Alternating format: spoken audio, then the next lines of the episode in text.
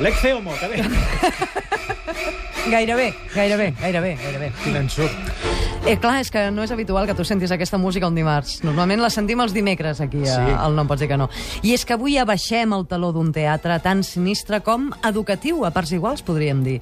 En Ricard Mas acomiada la seva secció Art Criminal, una secció per la qual han passat dictadors aficionats a la pintura, artistes assassins, falsificadors i lladres d'art. Ricard, et queden crims encara per, per explicar? Hola. Crims relacionats amb l'art? Oh, i tant, que em deixo crims artístics. El crim no descansa. Mm. Però això, com això és un programa de ràdio, no una enciclopèdia, eh, el que em pensaré si ho rellego tot i em faig un llibre.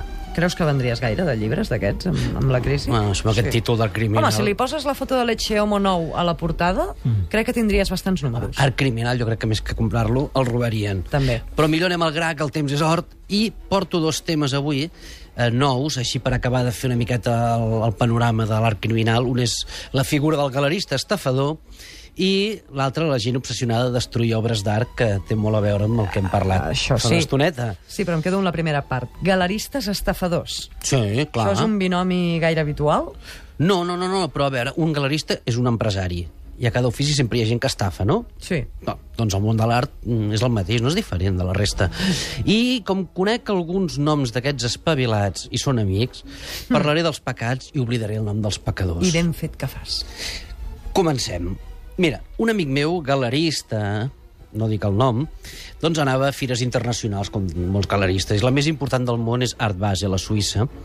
Com Suïssa està fora de la Unió Europea, quan mm, tots els galeristes van a la fira, passen per una petita aduana i eh, doncs, eh, ensenyen els quadres, hi ha un document amb una foto del quadre, amb la fitxa, amb, una, amb la valoració preu que el vendràs, i això perquè quan tu a la fira, si vens quadres, al sortir, clar, si n'has entrat amb, amb 15 i surts amb 12, mires, miren els aduaners quins són i et cobren els impostos, perquè, clar, aquest benefici l'has fet a Suïssa. Mm -hmm. Molt bé, doncs eh, això és el que passa a la duana. Doncs, amb... Ara ens ambientem ens ambientem a Suïssa i aquest amic meu, que era molt eixerit, és molt eixerit, anava a la fira amb totes les obres i els permisos d'exportació temporal, la foto, tot legal, eh? Tot legal. Llavors a la fira doncs venia, posem dos o tres o quatre quadres, les fires tampoc es venen tants quadres, però posa que entre 6.000 i 30.000 euros doncs ja fas una, unes bones vendes, no? Tot era, clar, artistes contemporanis vius i amb ell anava un ajudant, no? Que resulta que també era pintor. Mm -hmm. Llavors, ell que era xerit, el, per exemple, imagina que venia un quadre de 10.000 euros, no? Doncs l'ajudant pintor anava a comprar una tela de la mateixa mida, són mides est- bastant estàndards, i pintava una cosa bastant semblant. Llavors, quan sortien per la duana, deien els aduaners, a veure, a declarar les vendes, i mi, escoltis, malament jo no sé què fer ja, perquè me cago en No la venc olla. res. Sí. Anem molt malament, anem eh, malament. venut res. La Jo- caixa està fatal. està, està tot, està tot. I, I clar, el senyor sortia, clar, els aduaners no són experts en art, ja més No. o menys si semblava, ja està, no? Total, que... No, sí, ho estàs explicant i estic pensant, és molt evident, però a mi també me la colarien, saps? Clar, i a mi, i a mi. Va, anem, anem a un altre cas, un altre cas d'una amiga meva, amiga barra coneguda, galerista, filla d'una saga de galeristes, i ella doncs, va començar una petiteta galeria a Barcelona, era una noia guapa i riallera, i un dia doncs, va conèixer un jove molt simpàtic, ric, Mm -hmm. fi, fi, més, més que ric, Ric fi, no vol dir que, que ell rigui, no, no, vol dir que el noi simpàtic tenia pasta. No, no, fill, fill d'un senyor molt ric Sí. i amant de l'art, també el seu pare. I llavors, doncs, un dia, el, allà en el seu iot, li va proposar a aquesta noia de muntar una galeria d'art a Nova York. I, esclar, Mhm. ella què havia de dir? Mira, nena, jo poso els diners i tu l'experiència. Doncs vinga, va, El som-hi. somni de la meva vida. Bueno, ella m'ho va explicar, els ulls li brillaven. Molt bé, però saps tu que els contes de fades a la vida real acaben molt malament. Sí, acostumen així. I a l'estiu del 2010 la policia va detenir el pare d'aquest eh, jove intentar, El que seu- intentava ser galerista. El, el, El protosogre. Sí, el, el pare del Pagano, que en el fons era el Pagano, no? Mhm. El nom era José Mestre, tenia una gran empresa... Tu el- no voler donar pistes, déu nhi no? no, no, però aquest el dono perquè és públic. Ah. El de l'amiga galerista no. El, el senyor es deia José Mestre, tenia una gran empresa al port de Barcelona. Poc abans, el José Montilla, si sonarà, Sí, una mica. president de la Generalitat de Catalunya, l'acabava d'anomenar empresari de l'any. Ah. Doncs, bueno, la policia li va escorcollar la casa i va trobar el premi de l'empresari de l'any, és clar, una foto d'ell amb el rei, un Rolls Royce, un Porsche Cayenne, sis mirós, quatre Picassos, un Tàpies, un nonell, tot amb certificat de compres a Sotheby's, tot legal, i 5 pernils, 5 jotes. Que no s'oblidi aquest detall. La cosa comença a pintar misteriosa, i no pels pernils, precisament. No, pels pernils és interessant. No, però és que resulta que aquest gran empresari i amant de l'art havia pactat amb el perillós narcotraficant colombià Héctor Murillo, més conegut en l'ambient com El Juli, per introduir droga a tot i pleni al port de Barcelona, amagada dintre de, dels contenidors que rebia l'empresa d'aquest senyor José Mestre. José Mestre, que li, al port ja li deien El Don, gairebé sense embrutar-se les mans, guanyaria el 30% dels beneficis de la venda de droga. Policia britànica va començar a seguir les passes del, del Juli i en una primera operació van decomissar 186 quilos de cocaïna aquí al port de Barcelona, que al carrer hauria tingut un valor d'uns 140 milions d'euros. No Bé, està malament. Una no coseta, està malament. una coseta apanyada. Sí, aquest estiu ara estan celebrant el judici, per tant no puc dir com ha acabat la, la història.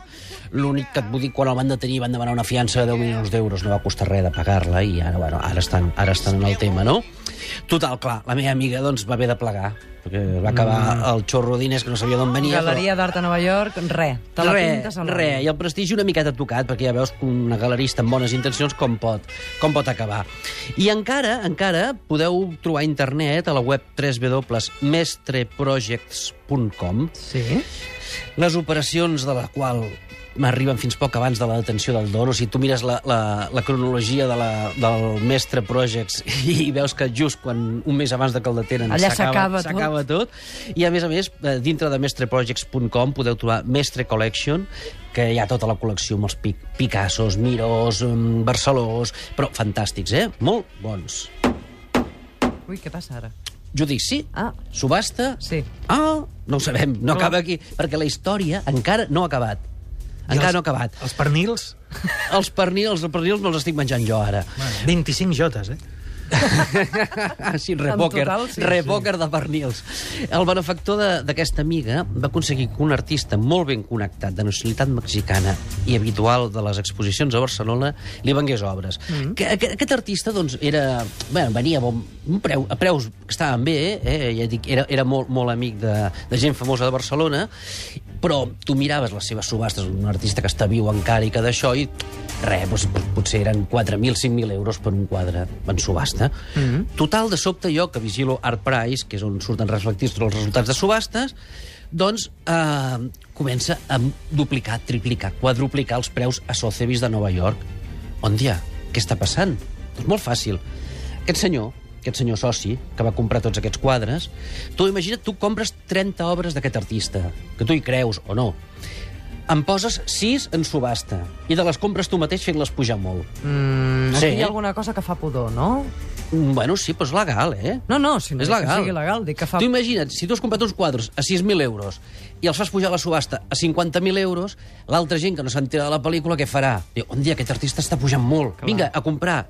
I amb els altres 24 quadres posa que et queden, eh, recuperes les, les despeses i, bueno, eh, el que vulguis. Escolta, no és tan raro perquè el Damien Hirst, aquest artista el del Tauró, eh, doncs, bueno, el 2008 va agafar tota la seva producció i en lloc de posar-la en, eh, a, exposició, en exposició va fer una subhasta. Llavors, què passa? Doncs, tota la gent amb diners que tenia Damien Hirst a tot el món estan obligats a comprar a la subhasta i si pot ser com més s'hi gastin millor perquè si no tot el que tenen al magatzem si comença a baixar l'obra i el Damien Hirst els hi baixa el preu de tot el que tenen No hi ha un pam de net, eh? no hi ha un pam de net, no senyora I ara què passa?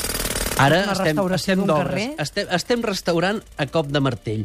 I mm, t'he de dir, t'he de dir doncs, que això, això de, de carregar sobre pedrades és una cosa molt antiga. Per exemple, a Setmana Santa, quan, el, quan es feia doncs, el sermó i deia perquè Judes va trair nostre senyor. Sí. Llavors la gent sortia i als capitells romànics que hi havia el Judes representat en el Sant Sopar tothom li tirava pedrades. O sigui que les primeres escultures que, que són destruïdes són els, els Judes. Després ja no t'explico, quan feien excavacions arqueològiques i sortia una estàtua doncs, d'un jove no guapo. Mira, els, els braços són llargs i cauen. Mm. però i els sexes, diguem, representats al classicisme tampoc són tan, tan, no són de pel·lícula porno i aguantaven. Hi havia brigades que es dedicaven a passar pels, pels museus amb un martellet i pip, pip, pip, pip, anaven Però carregant-se. això per un tema de moral o per què? Sí, esclar, per un Ah. tema moral, evidentment. En canvi, doncs, eh, eh, l'australià Laszlo Toth, del 72, doncs entra, entra al Vaticà i agafa i li fot 15 cops de martell a la pietà del Miquel Àngel. I quan el van detenir diu, és que jo sóc Jesucrist! Bueno, molt bé.